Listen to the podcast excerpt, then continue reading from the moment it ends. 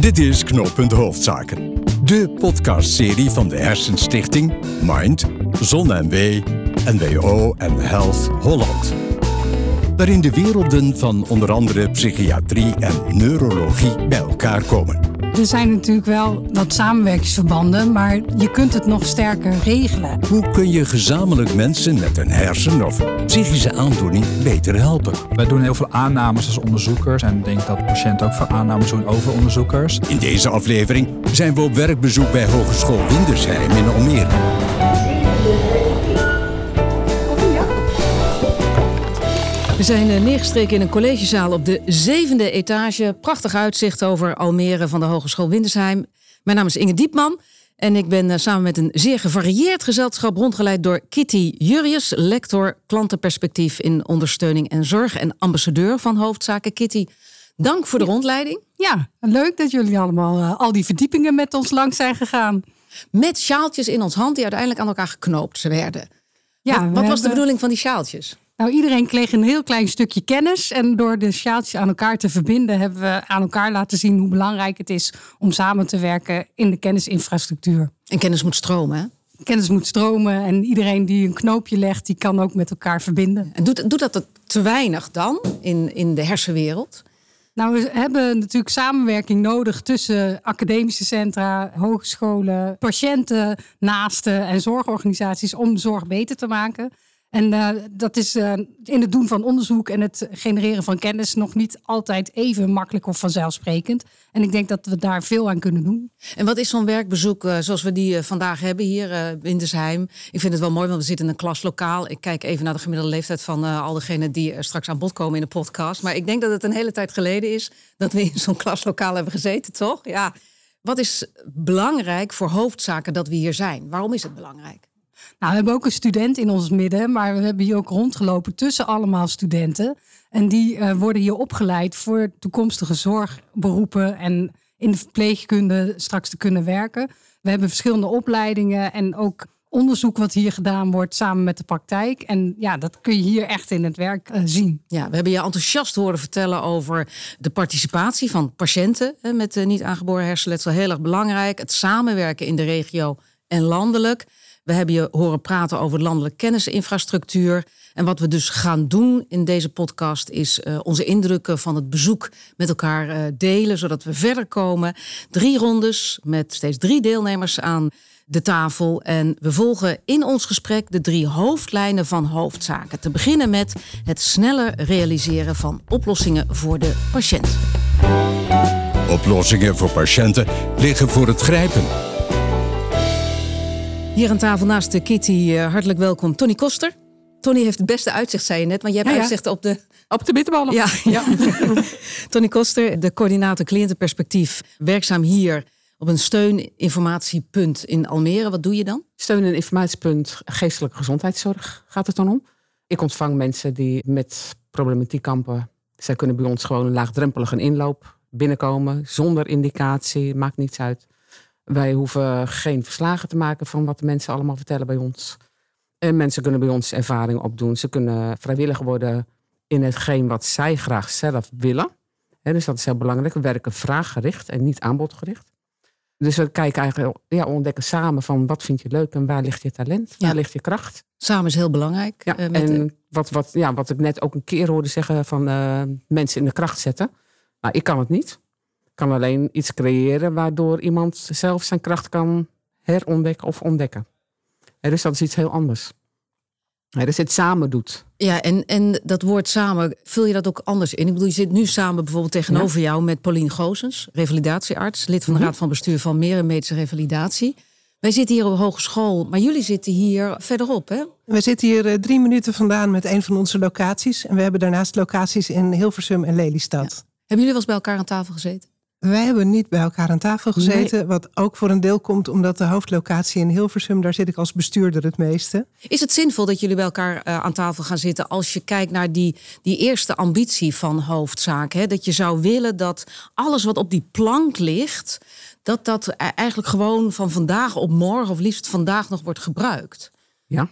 Ja, denk wat mij dat het betreft wel. Een van de dingen waarin mijn bestuurderschap en mijn dokterschap mooi samenkomen, ja, is dat ik me heel druk maak over uh, netwerkgeneeskunde.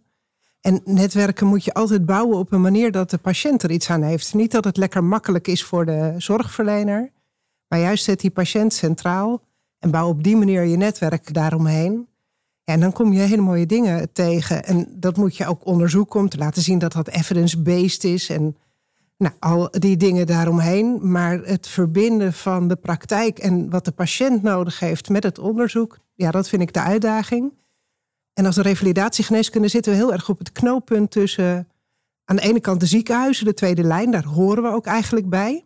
Een revalidatiecentrum is formeel een ziekenhuis. En aan de andere kant de eerste lijn en het sociaal domein. Daar hebben we ook onze vingers heel stevig in. Dus het doet me elke keer een klein beetje verdriet als ik hoofdzaken hoor presenteren als we brengen de neurologie en de psychiatrie samen. Denk ik, ja, en waar is de revalidatiegeneeskunde nou? Want wij doen dat van nature al heel erg. Wat kunnen we daar dan van leren? Want ah, Merel zit op de tweede rij uh, van de Hersenstichting en uh, die zegt de rest moet het ook doen. Want het gebeurt te weinig. Het, het, samenwerken. Nou ja, ik kan bijvoorbeeld wijzen naar wachtlijsten. Ik kan wijzen naar kennis die er is, maar die toch niet op de een of andere manier bij de patiënt of de cliënt komt. Heb jij uit de praktijk voorbeelden waarvan je zegt, ja, dit, als, als dat beter zou worden geregeld in het netwerk, dan heeft de patiënt van vandaag daar profijt van. Nou, we kennen allemaal de lange wachtlijsten. Hè? En ja, die zijn enormelijk lang. En in die tijd dat iemand thuis zit, dan willen we niet dat hij onder zijn dekentje of onder haar dekentje gaat zitten of andere dingen, ergere dingen gaat doen, waardoor die schade oploopt. Het zou fijn zijn als er nu al plekken zijn waar mensen gewoon naartoe kunnen. Waar ze gewoon kunnen zijn waar ze zijn. En dat is soms heel lastig om samen te werken met organisaties, dat ze ook mee willen kijken van waar kan iemand dan gewoon naartoe? Waar kan die uh, luisterend oor vinden? Dat is eigenlijk volgens mij voor vandaag op morgen te regelen. wij, wij hebben dat zelf wel. En het is zo simpel. Wij zitten trouwens ook in een school. Dus voor mij is de school helemaal niet vreemd. Ja, wij zijn nu gehuisvest in een school. Waar je gewoon heel laagdrempelig naar binnen kunt. En dat is wat je vaak ziet. Dat mensen wel tussentijds al heel goed kunnen gebruiken. Dat dat heel zinvol is. Ja, Kitty, je had het volgens mij over een regionaal netwerk. Ja. Is dat er dan niet? Nou, er zijn natuurlijk wel wat samenwerkingsverbanden, maar je kunt het nog sterker regelen. En als je met elkaar aan tafel gaat, dan heb je regionaal de kennis van de patiënt, van de zorgorganisatie, soms ook van de hogeschool en de universiteit die erbij zit, van de patiëntenorganisatie. Die kunnen samen met elkaar natuurlijk heel goed kijken hoe kunnen we nou die zorg anders en beter maken. Maar ligt dat echt anders binnen die hersenwereld dan bijvoorbeeld als je kijkt naar andere segmenten van zorg?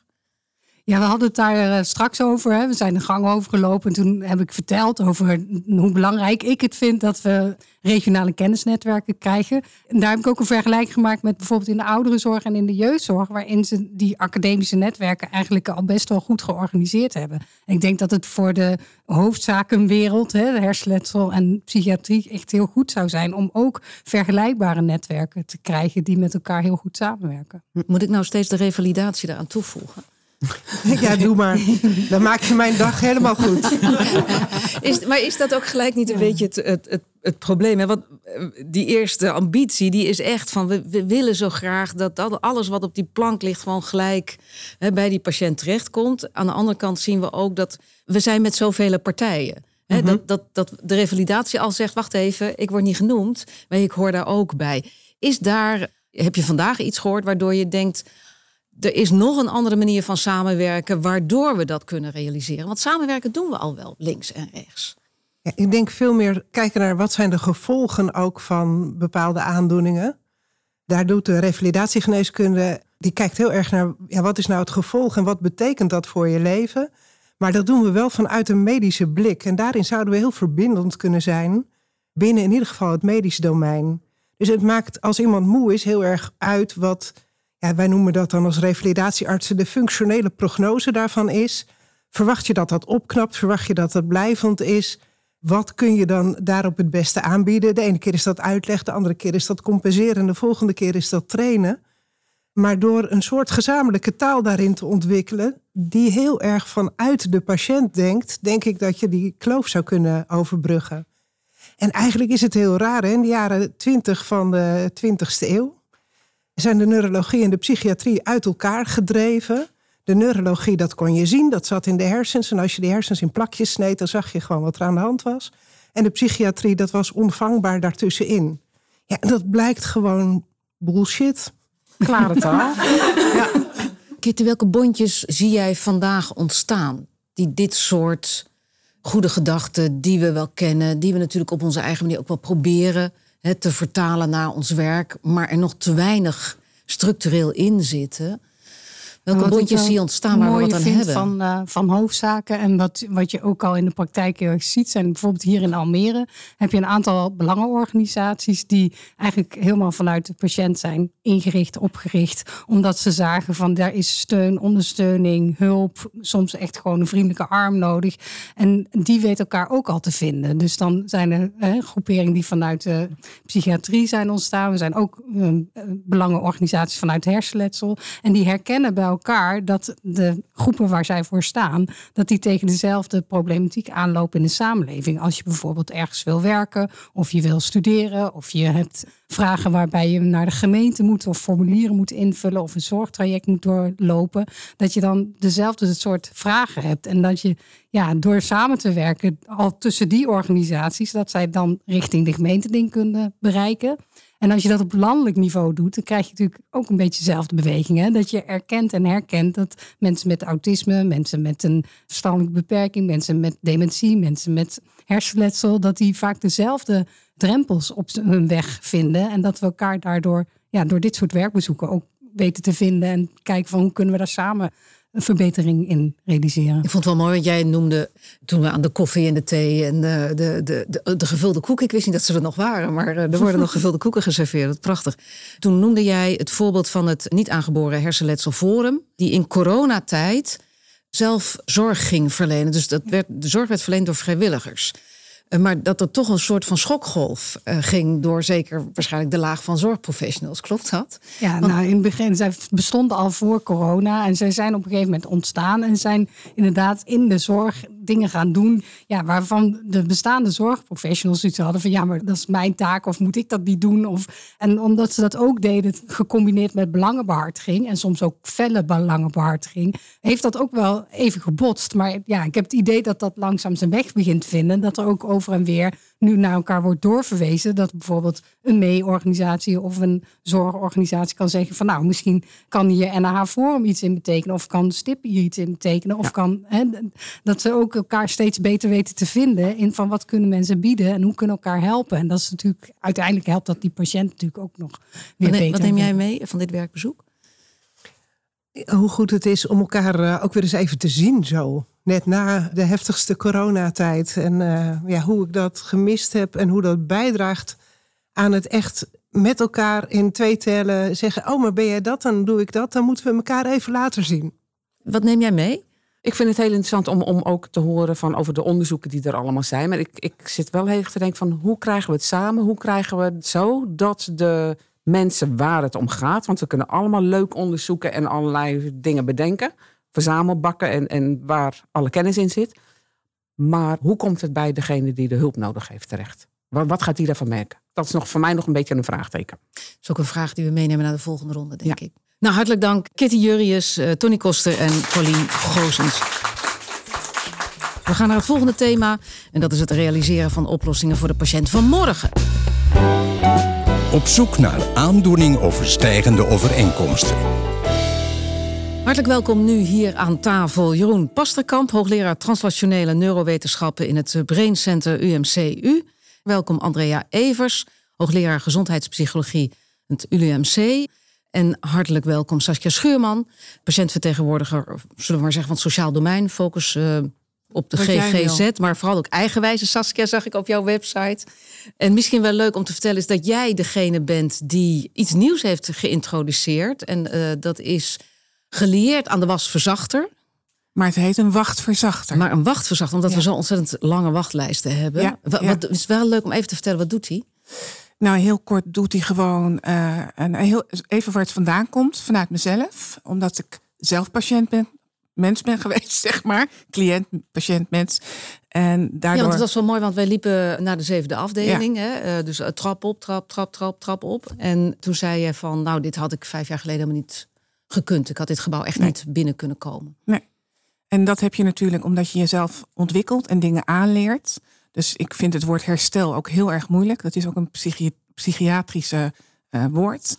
Um, herstel is voor mij leren omgaan met. Want ik zal nooit hersteld zijn. Ik heb mezelf leren omgaan met mijn beperkingen. Dat is ook een goed woord. Maar dat in talenten geprobeerd om te zetten. En die wachtverzachter is echt bedacht van... hé, hey, ik heb zelf op die wachtlijst gestaan. Twee keer. Ja, ik kan uitgebreid uitleggen hoe ellendig dat is. En achteraf heb ik kunnen zien van... maar wat had ik toen nodig gehad... om misschien al een heel klein beetje te leren omgaan met... En dat zijn we een beetje vergeten. We zijn alleen maar letterlijk aan het wachten. En ik heb in allerlei prachtige praatgroepen gezeten van Mind en van uh, de Taskforce uh, Wachttijden hier in Flevoland. En iedereen wil ze oplossen met praten, praten, praten. Maar wat mij betreft gaat het over wat gaan we nou ondertussen doen. En zo is de wachtverzachter ontstaan. Heb jij daar iets aan, Jeroen? Jij bent iemand die gespecialiseerd is in onderzoek naar ALS, spierziekte. Heb jij iets aan zo'n verhaal? Ja, ik denk dat het heel erg waar is. We zijn als neurobioloog heel erg gewend om te kijken naar de oorzaken van aandoeningen. Of misschien na te denken over de oplossingen die dan misschien heel erg toegepast zijn. Denk aan gentherapie of celtherapie of medicatie. En dat we soms vergeten dat er zeg maar, levende patiënten achter dat probleem zitten. Die nog, dat, die oplossing is er dus nog niet. Dus die moeten wachten. En dat er dan hele andere, misschien in ons oog ook kleinere oplossingen zijn die het lijden kunnen kunnen verlossen. En wij zien bijvoorbeeld uh, in onze samenwerking met ALS-patiënten vaak dat ze behoefte hebben aan een bepaald soort rolstoel of een iPad of hulp richting de gemeente. En dat kan heel veel lijden verlossen. Dus dat is denk ik zeker een deel van de oplossing. Naast wat ik noemde, een, een, zeg maar een medische oplossing vinden. Ook gewoon meer oog hebben voor de patiënt op een andere manier. Ja, want beneden in de hal bij het voorstellen uh, zei jij van ja, wij werken eigenlijk al heel erg interdisciplinair. Ja, dat klopt. Dus wij proberen aan de ene kant via genetisch werken en, en uh, ander type onderzoek de oorzaak te vinden. Maar ook na te denken over behandelingen, misschien in de richting van gentherapie of nieuwe type medicatie. Maar we werken ook in Utrecht erg nauw samen met de revalidatie, wat net ook werd genoemd. Dus we hebben door het hele land eigenlijk revalidatieteams zitten die gespecialiseerd zijn op uh, ALS-zorg.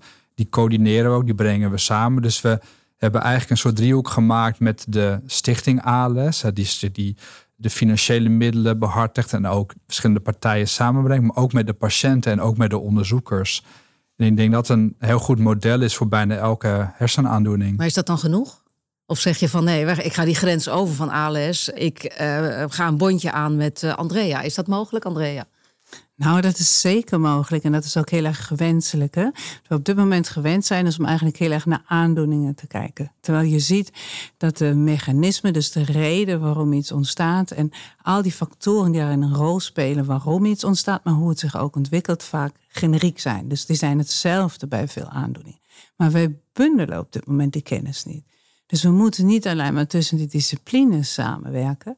Dat gebeurt eigenlijk steeds beter op specifieke aandoening, maar ook over die aandoeningen heen. En dan samen met de patiënten daarbij. En het echt wel samen doen. Hè? Niet alleen maar op papier, maar een gezamenlijke aanpak ontwikkelen. En dat is ook heel belangrijk, want zonder medicijnen, toen ik echt in mijn diepste, diepste dal zat, was ik er ook niet gekomen. Dus ik heb dat wel degelijk nodig gehad. Nou ja, en je zegt het zo mooi, je bent gewoon een mens die ook een aandoening heeft. Maar heel vaak juist deze doelgroepen hebben niet één aandoening, maar hebben ook heel wat comorbiditeit en hele andere. En voor elk probleem moeten ze weer naar een andere specialist. Nou, ze worden daar gewoon letterlijk gek van. Een ander probleem wat we het hier eigenlijk ook nog niet hebben. Ik kwam ook erg om lachen. Een ander probleem wat we ook niet hebben, is dat we eigenlijk heel erg hebben over het genezen of als we het al hebben. Maar helemaal niet van de eerdere fase. Van hoe voorkomen we dat nou? En wat je dan ook ziet, is als je naar risicofactoren kijkt. Dus bijvoorbeeld langdurige stress. is bijvoorbeeld een bekende risicofactor ook die vaak een grote rol speelt. Ja, daar hebben we geen goed signalement om dat in kaart te brengen. Om juist ervoor te zijn en preventief het een en ander te doen om de veerkracht van mensen aan. Nou, en dat doen wij bijvoorbeeld in ons onderzoek. En welke samenwerkingsverbanden zouden we nu ofwel kunnen verbreden, hè, want er zijn natuurlijk al wel samenwerkingsverbanden, ofwel kunnen aangaan, zodat je ook niet alleen jou kan helpen, maar uh, ook de patiënt van morgen. En welke rol zou jij daar dan in spelen? En welke rol ik daarin speel. Ik, ik denk dat In het algemeen, in misschien het sta jij algemeen- wel voor hè, de, de mensen waar het uiteindelijk om gaat. Ja, dus dat ik zijn denk, de- eh, ik, ik, ga no ik praat nooit over de mensen, altijd met de mensen. Ik sta altijd naast de mensen. Ik ga niet, dus dat vind ik heel belangrijk. En ik denk, ik bedoel, ik kan, ik kan het misschien goed verwoorden, anderen misschien niet, maar die kunnen het weer goed verbeelden. Er zijn zoveel mogelijkheden om met mensen over wie het gaat in gesprek te gaan. En eh, ik wil even naar mevrouw Van Merum. Ik wil heel graag met u in gesprek, of met je in gesprek. Want ik denk dat er echt iets ligt in herstel of leren omgaan met. En dan domeinoverstijgend. ja, dan eh, wijs je naar de revalidatie. Ja, Mm, ja, ja. maar Ja. dat denk ik überhaupt. Dat we gewoon dat het fijn is om elkaar zo te leren kennen en van elkaar te leren. Ja, Gebeurt het dan niet zo vaak dat je met zo'n groep zoals vandaag op stap bent? Het gebeurt me gelukkig steeds vaker. Maar het is ook best wel ingewikkeld. Want het is nogal wat wat je steeds over jezelf vertelt of niet vertelt. En ik eh, word wel eens gebeld van, oh, heb je niet een ervaringsdeskundige? Want ik heb, ben niet alleen, ik, ik heb een team om me heen. Die mag ik geen vrijwilligers noemen, dus ik heb een team om me heen. En dan denken ze, dus van hoger af, dat ik een la vol ervaringsdeskundige heb. Maar zo werkt het niet. Het zijn mensen die een ervaring hebben, die willen daar misschien wel over vertellen. Maar dat kost hun energie, dat kost hun moeite. Dat hebben ze wellicht nog wel wat begeleiding of ondersteuning in nodig. En ook wat nazorg. Maar hoe zouden jullie dat dan? Jij noemt het preventie, hè? dus hoe Ja. zou je dat dan beter met elkaar voor de praktijk van morgen kunnen invullen? Je zou ook bijvoorbeeld, wat op dit moment nog niet vaak gebeurt, bijvoorbeeld die patiënten, cliënten, hè, deelname, hoe je het dan ook noemt. eh, Ja, dan kan je adequaat vergoeden. Ja, denk ik, ik. eh, Ja, ik ja. Nee, maar adequaat vergoeden. En daarvoor inderdaad, je zegt het kost mensen tijd. En daarvoor eigenlijk een soort professioneel netwerk maken. Net als dat je van die samenwerking een professioneel iets maakt. En ons verplicht als disciplines, als specialisten, allemaal met elkaar samen te werken. Dat is juist ontzettend goed voor die patiënt. Maar ook wederzijds, hè? Ook wij moeten ons committeren dan om met jullie samen te werken. Precies, precies. En dan Er heb je zit, dus er zit een gelijkwaardigheid in. dan. Precies. Maar nog iets anders, want dan heb je ook nog de, de verschillende disciplines. Ik stond met jou te praten, Jeroen. Met welke werkvelden ga je nu samenwerkingsverbanden aan? En toen zei je Parkinson zijn we bijvoorbeeld mee bezig. Maar je waarschuwde mij ook. Je zei ook, kijk uit dat je het ook niet onmiddellijk ontzettend groot optuigt. Want dan kom je nergens. Ja, ik denk dat wij natuurlijk wel gekenmerkt worden door wat we noemen polderen. Dus er zijn succesverhalen binnen Nederland en er zijn ook thema's die opkomen. Ik denk dat je zorgvuldig moet kiezen als je dat wilt uitrollen van waar begin je, wat probeer je op te bouwen en wat zit in welke fase. Er zijn voorbeelden denk ik van aandoeningen die ver zijn. Daar heb je misschien het laatste zetje bij nodig. Anderen moeten nog beginnen, die kunnen leren van de succesverhalen. En zo zie ik me dat voor. Als je alles verdunt over alles, dan zul je ook denk ik heel weinig vooruitgang boeken. Dus daar zit volgens mij de kracht. En als je dan de kansen ziet, hè, zoals Andrea ook zegt, dan moet je natuurlijk uitbreiden. Maar, Maar wat dat- hebben we dan nodig om echt daadwerkelijk aandoeningsoverstijgend onderzoek te doen? Nou, ik- Want dat is denk- best moeilijk in te vullen. Ja. Hè? Want iedereen heeft zijn expertise Ja. op een specifieke discipline. Nou, wat ik eigenlijk net wilde zeggen, van wij doen heel veel aannames als onderzoekers. En ik denk dat patiënten ook veel aannames doen over onderzoekers. En onze ervaring is, eh, wij, wij rollen de ALS-patiënten twee keer per jaar het UMC binnen, om het oneerbiedig te zeggen, om zeg, zeg maar uit te leggen wat we doen. En soms zijn we heel erg angstig over bepaalde vragen. We gebruiken bijvoorbeeld graag een hersenmateriaal. We denken, nou, dat is waarschijnlijk heel een moeilijk onderwerp. Maar dat willen ze graag doen. Maar als je het nooit vraagt, Precies. hoor je het ook niet. Nee. En dat geldt ook over cognitieve klachten. Daar zijn we ook meer aan gaan doen. Ja, we dachten, ja, misschien niet zo erg als al je spieren toch al uitvallen. Ja. Maar dat vinden ze juist heel bezwarend. Dus ja, dan heb je ook zo'n zo'n samenwerking nodig. En ik stel me voor dat je dat op die manier gaat opbouwen. Van wat, wat zijn de, de meest prangende vragen? En wie heb je daarvoor nodig? En hoe ga je dat uitbouwen? Andrea, wat heb jij gehoord tijdens dit werkbezoek waar je wat mee kunt? Je stak net je hand op, dus volgens mij wilde je ook nog iets toevoegen. Nou, wat heel erg mooi is inderdaad dat hier alle relevante disciplines bij elkaar komen die je daarbij moet hebben. En dat is heel erg mooi. En dat zou je eigenlijk ook bijvoorbeeld in het subsidielandschap willen. Dat je juist inderdaad voor subsidiegevers je eigenlijk vraagt dat die disciplines allemaal samenkomen. En dan kun je naar het per aandoening kijken, maar dan kun je ook naar thema's kijken. Bijvoorbeeld veerkracht Ja, van mensen hè, met Ja. een hersenaandoening. Nou, dat zijn soortgelijke thema's, die kun je echt gezamenlijk aanpakken. Dus zo kun je eigenlijk een onderzoeksagenda maken waar je een paar punten inderdaad hè, aandoenspecifiek en andere dan weer heel erg breed aanpakt, omdat dat voor iedereen toch een beetje hetzelfde is. Nou ja, en wat we vandaag hier zien is denk ik een prachtig voorbeeld daarvan. Spreken we allemaal dezelfde taal? Nee, Nee, je zit zeker onmiddellijk te schudden. Nee, ik, ik heb even wat opgeschreven. Eh, maar het gaat inderdaad over begrippen. Het gaat over, heb ik het over hetzelfde herstel als jullie het hebben over het herstel? Ja. Ik hoorde net het vorige gedeelte iemand zeggen, we, de patiënt staat centraal. Dat is makkelijk gezegd, maar doen we dat ook echt? en wat versta jij onder de patiënt centraal stellen? En dat zijn allemaal onderdelen die je ook met elkaar moet gaan verkennen. Wat bedoelen we nou eigenlijk? Ja. En waar kunnen we elkaar vinden? En geldt dat ook niet voor eindpunten? Als je bijvoorbeeld onderzoeken trials gaat opzetten. Ja, dat, maar daar proberen we ook al meer van de patiënt te leren. En de patiënt ook zeg maar bij de eindpunten te betrekken. Maar de disciplines onderling. Ik heb wel eens een psychiater. Ik weet bij de eerste bijeenkomst, bij het overhandigen van het manifest in aanwezigheid van onze koningin. Dat de neurowetenschapper tegen Christian Vinkers, onze psychiater, zei: ik, Maar ik, ik ken jouw wereld eigenlijk helemaal niet. Ik spreek jouw taal niet. Dat vond ik een hele mooie uitspraak, want daar kan je wat mee. Ja. Nou, dat zie je ook denk ik heel erg. Bijvoorbeeld, er zijn ook scheidingen binnen wat wij neurowetenschappen noemen. Je hebt natuurlijk mensen die zich verstoppen in een laboratorium of die zich verstoppen in de kliniek. En die moeten we ook samenbrengen om tot een oplossing te komen. Dus denk, er zijn denk ik een aantal uitdagingen. Bijvoorbeeld ook de vertaling van alle kennis die wij opdoen. Hè. Niet, niet alleen naar oorzaken, maar ook wat gezegd werd naar, naar omgeving. Wat is de invloed van de omgeving? Maar die vertaling naar een oplossing in de vorm van een medicatie of een gedragsverandering of een revalidatieprogramma. Daar liggen ook nog uitdagingen. Er is nog veel te onderzoeken, maar we staan eh, eh, aan een mooi begin. En dit werkbezoek hoort daar ook bij. Dank Andrea Evers, Saskia Schuurman en Jeroen Pasterkamp. We gaan naar het derde en laatste onderdeel van deze podcast. Het gaat over het beter delen van kennis en data door een goed werkende kennis- en innovatiestructuur. Het samenbrengen van mensen en data. Nu aan tafel Daan de Neef, Kamerlid voor de VVD. Aandacht voor jeugdbeleid, GGZ, maatschappelijke opvang, beschermd wonen. Zelf volgens mij ook actief geweest, zag ik ergens in de GGZ voor jongeren. Klopt. Ik heb bij een jeugdkliniek gewerkt, de Yes We Can Clinics. En heb daar eigenlijk een beetje aan de lijf ondervonden hoe het is vanuit de aanbiederskant om in dat veld te bewegen. Maar ook dat je dus ziet hoe, nou ja, hoe jongeren binnenkomen, hoe vaak het eh, al van tevoren fout is gegaan. En dat het meestal aan hele kleine dingen ligt, maar alles bij elkaar opgeplust kan het ineens heel erg fout gaan. Ik zag jou ontzettend opveren bij het woord overstijgend. Ja. Interdisciplinair. Ja, ja dat, ik noem het zelf altijd eh, de satéprikker. Ja.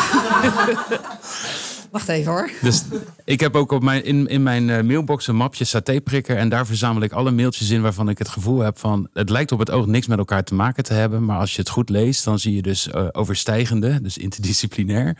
zie je zaken gebeuren waarvan je zou zeggen... die kun je makkelijk aan elkaar verbinden. Die staan met elkaar in verbinding. Alleen, wat er net ook al gezegd werd... dezelfde taal wordt niet gesproken. En op het moment dat je dus er wat boven gaat hangen... en je krijgt het idee van deze, eh, deze disciplines zouden makkelijk met elkaar samen op kunnen trekken om het eh, beter te doen. Dat is ook wat ik bij Yes We Can heb gezien. Dan is er een hele grote kans dat het beter gaat. Ga ik je straks vragen wat je daar als eh, Kamerlid aan gaat doen. Oké. Eh, want Merel Heijmens-Visser zit naast jou. Die we al in de eerste ronde even heel hard hoorden roepen. Wat zei je nou precies? dat in de revalidatiegeneeskunde al heel veel goede dingen gebeuren. En dat er al veel samengewerkt wordt. Maar dat dat ook nog wel op andere plekken en domeinen eh, eh, nog wel een impulsje nodig heeft. Je bent directeur, eh, bestuurder Hersenstichting. Je bent lid van de kernstuurgroep Hoofdzaken. Hier aanwezig om ook gewoon, denk ik, voor jezelf zo'n werkbezoek mee te maken. Want wat wil je dat zo'n werkbezoek teweeg brengt? Nou, wat ik graag zou willen is dat heel Nederland ziet en herkent dat het aantal mensen met een hersenaandoening enorm aan het stijgen is en dat we iets moeten doen met elkaar. En als je het hebt over satéprikkers, hè, mijn buurman had het daarover, dat is bij uitstek wat je volgens mij er kansen liggen binnen hoofdzaken. We weten dat bijvoorbeeld die brain stimulation elektroden in je hersens, die werken bij Parkinson tegen het trillen, hè, waar mensen last van hebben als ze Parkinson hebben. Maar die kunnen ook helpen als je in het psychiatrisch domein, als je heel veel angst- of dwangstoornissen hebt. Maar dat gaat niet vanzelf van het ene domein naar het andere domein. Dat moet je organiseren, die, die dwarsverbanden. Je moet die satéprikkers moet je organiseren, want die komen niet vanzelf. En dat willen we heel erg binnen, binnen hoofdzaak stimuleren. Dat werelden elkaar ontmoeten. En dat je echt veel meer samenwerking over de velden heen gaat krijgen. Gaat dat pijn doen? Ik bedoel, als je iets aan een satéprikker steekt, dan moet je even, ja, dan krijg je even, even een schok, zal ik maar zeggen. Is dat voor hoofdzaken misschien ook zo? Want je moet meer nog weer over je eigen grenzen heen kijkt. Dat, ja, dat denk ik wel. Hè. Dat- eh, Dat Afrikaanse eh, gezegde is niet voor niks. eh, hè, wil je snel gaan, ga je alleen. Wil je ver gaan, ga je samen. Je moet echt samenwerken over disciplines heen. Met ervaringsdeskundigen, met experts, met mensen uit de fundamentele onderzoek, uit meer toegepaste onderzoek.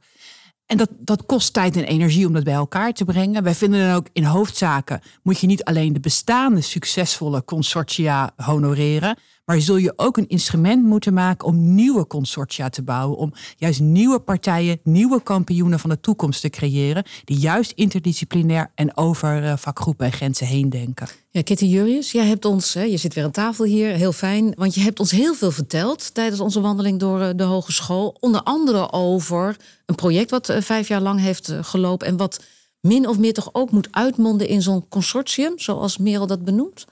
Kun, Ja. jij, kun jij degene die niet meegewandeld heeft eh, door Windersheim heel even meenemen daarin? Ja, we hebben in de afgelopen vijf jaar een eh, consortium gehad op nationaal niveau. Waarbij universiteit, hogescholen, zorgorganisatie, patiëntenorganisatie samenwerkten aan onderzoeken. En dat vooral op landelijk niveau uitwisselden. En aan het einde van die periode hebben we eigenlijk aangegeven, ja, dit is belangrijk om voor te zetten. En wij zien heel veel mogelijkheden om dat op regionaal niveau te gaan doen. Dus dat je eigenlijk in alle regio's van Nederland zorgt dat die kennisinfrastructuren sterk worden. En wat is dan nu jouw toekomstvisie? Nou, dat- je, in plaats van dat je één netwerk hebt voor het hele land voor een aandoening waar 600.000 mensen of misschien wel één op de vier Nederlanders hè, mee te maken hebben, dat je daar verschillende netwerken voor organiseert die samen kennis kunnen ontwikkelen. Ja. Want ik liep jou, met jou mee, eh, een stukje de trap op. En toen zei je ook van ja, in, in, eh, voor de jeugdzorg, voor de ouderenzorg, daar is het. Daar is, dat netwerk is daar normaal, Inge. Maar dat is in die hersenwereld ligt dat toch wat anders. Wat Ja. bedoelde je daarmee? Nou ja, ik, ik beweeg mij ook in andere sectoren. Dus ik heb ook in de jeugdzorg onderzoek lopen. En vanuit ons lectoraat doen we dingen in de ouderenzorg. En je ziet in die sectoren dat die kennisinfrastructuur eigenlijk al veel meer opgebouwd is. Dus daar heb je bijvoorbeeld regionale kenniswerkplaatsen jeugd. Die in 14 regio's in Nederland in werking zijn gesteld. Je hebt de oudere kennisnetwerken die ook in het hele land er al zijn. En van die zin moet voor mijn gevoel eh, hersenletsel, hoofdzaken, psychiatrie moeten eigenlijk nog een inhaalslag maken ten opzichte van andere kennisinfrastructuren om dat ook gewoon goed te organiseren en zichtbaar te zijn ten opzichte van andere aandoeningen.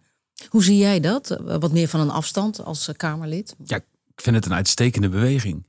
Want ik denk dus inderdaad dat je door eh, verenigde krachten, door inderdaad ook elkaar op te zoeken en vooral te kijken van waar treffen we elkaar, waar vinden we elkaar en hoe krijgen we die prikken er doorheen, hoe beter ook je verhaal is naar de buitenwereld, dus ook naar de politiek, dus ook naar bijvoorbeeld VWS. En ja, ik zit hier vandaag ook, ik, ik neem dit ook allemaal weer mee richting die, die Tweede Kamer. En wat neem je dan mee? Nou ja, gewoon dat je dus ziet dat er vanuit de sector zelf het besef ook leeft van op het moment dat we eh, de krachten bundelen. En we proberen elkaar echt te vinden op, op centrale thema's. En dat vond ik net ook, werd het ook gezegd van probeer ook gewoon te kijken op welke onderwerpen je elkaar echt vindt. En draag dat ook meer naar de buiten, bijvoorbeeld mentale weerbaarheid als het zaken. Daarin heb je wel gewoon een hele sterke casus, ook gewoon naar de buitenwereld toe. Dus ook naar de politiek. Als ik daar bijvoorbeeld in de komende periodes, wij moeten nog een GGZ-debat gaan voeren bijvoorbeeld.